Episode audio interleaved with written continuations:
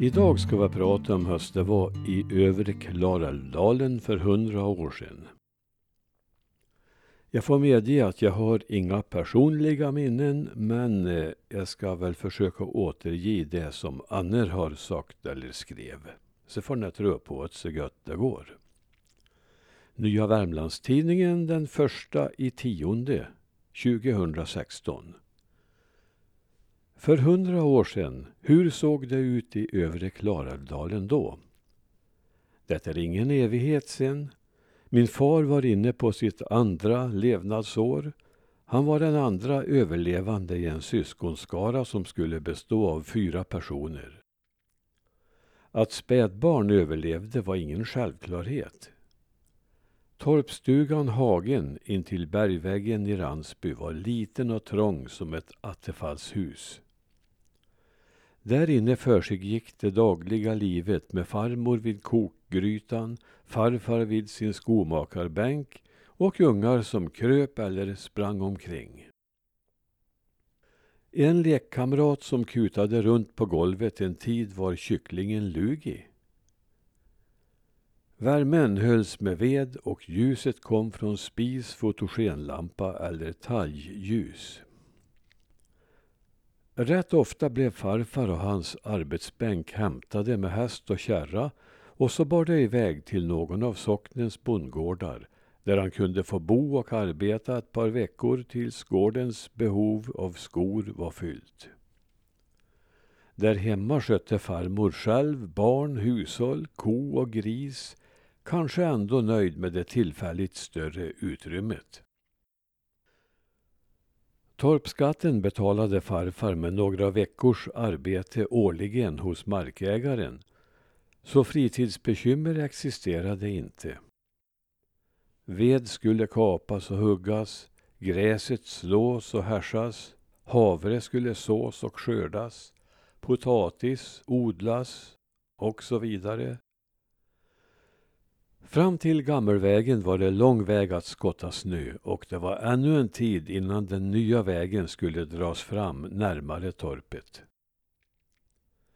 Vid 48 års ålder hade farfar tjänat ihop så pass mycket på sitt skomakeri att han kunde bygga ett nytt och betydligt större hus vid Gammelvägen med övervåning där han hade eget rum för sitt hantverk. Nu hade de äldsta barnen blivit stora nog att bidra till uppehället. Bebyggelsen hade i tidigt 1900-tal nästan helt flyttat upp från den nedre platån, Jarla, upp till Mon och flera hus växte upp vid Gammelvägen. Översvämningarna hade drivit upp folk och gårdar ett steg närmare himlen. Vårflummen i Klarälven 1916 var den värsta i mannaminne. Varor söderifrån fraktades med fördel på Klarälven. Antingen med slädar på vinterns is eller med stakbåtar och ångbåtar sommartid. Ångbåtarna var mycket populära vid den här tiden och det var ett tydligt vårtecken när ångvisslan hördes för första gången på våren.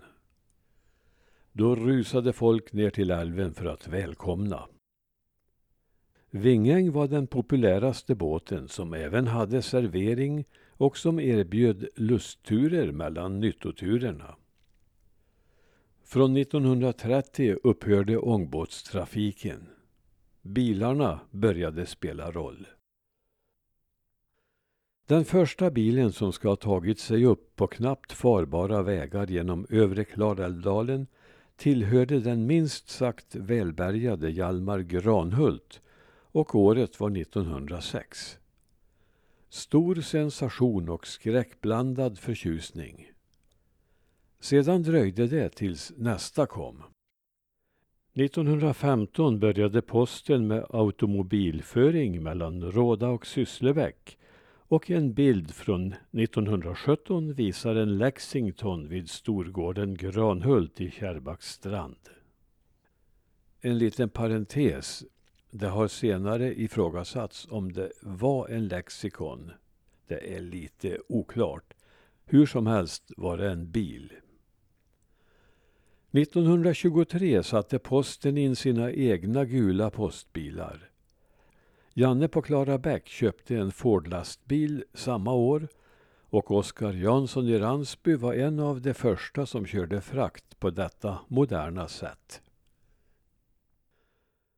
Gammelvägen strök intill bergssidan från Strandås och norrut till Prästgårdsallén och vidare genom bebyggelsen och upp via Frömansbacken.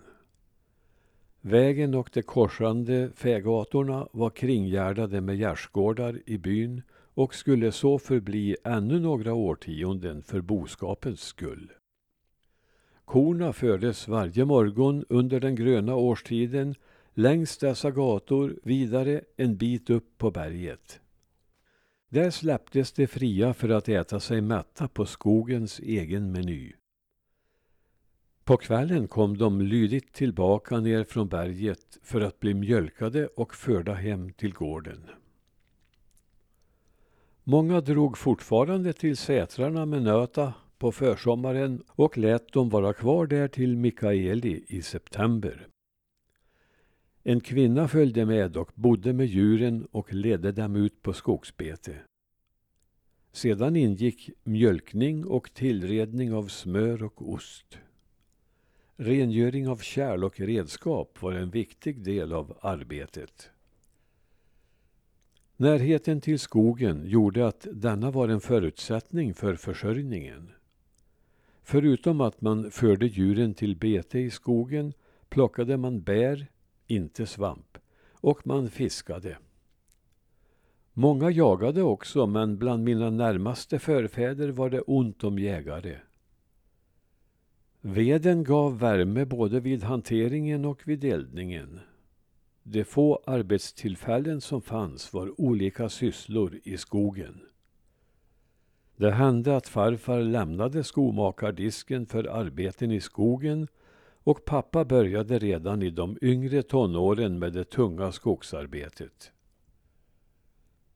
Skolan var bara sexårig och efter den och en eventuell ettårig fortsättningsskola var det bara att börja i timmerskogen. Den skola som Ransbys barn hade att gå till var sexårig och fanns i Brannäs på andra sidan älven. Dit var det ett par kilometer och en bred klarälv som skulle korsas. Vår och höst när inte isen bar och innan båtarna satts i vattnet fick min far sova över hos kusinerna på Hebäckmon på västsidan.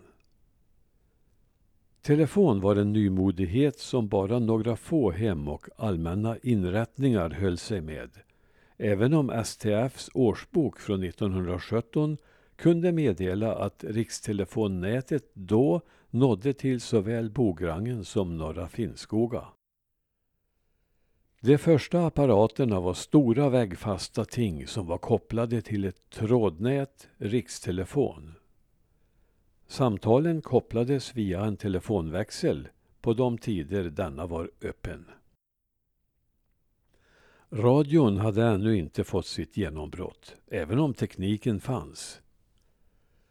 Marconi hade för flera år sedan sänt trådlösa signaler över Atlanten men det skulle dröja några år innan Sven Jerring kunde inleda Riksradions sändningar i Sverige.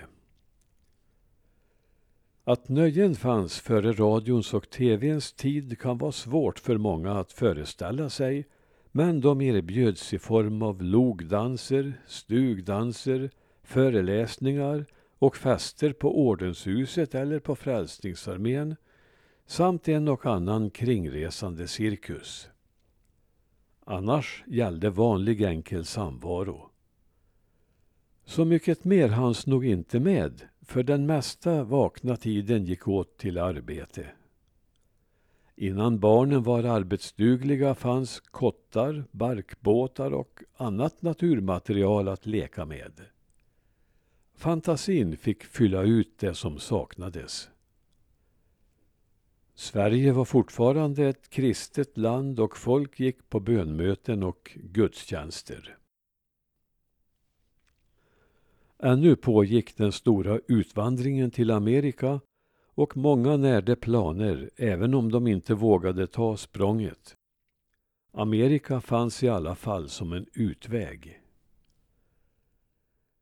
De gamla storbönderna kunde ännu en bit in på 1900-talet ses gå omkring i sina gammaldags Dalbytröjor, rockar av vadmal. mörkgrå eller bruna till färgen, som tillslöts med häktor och var klädda med rött kläde som lyste fram i kanterna.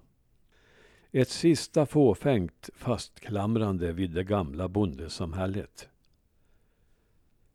Ofattbart mycket har hänt på hundra år.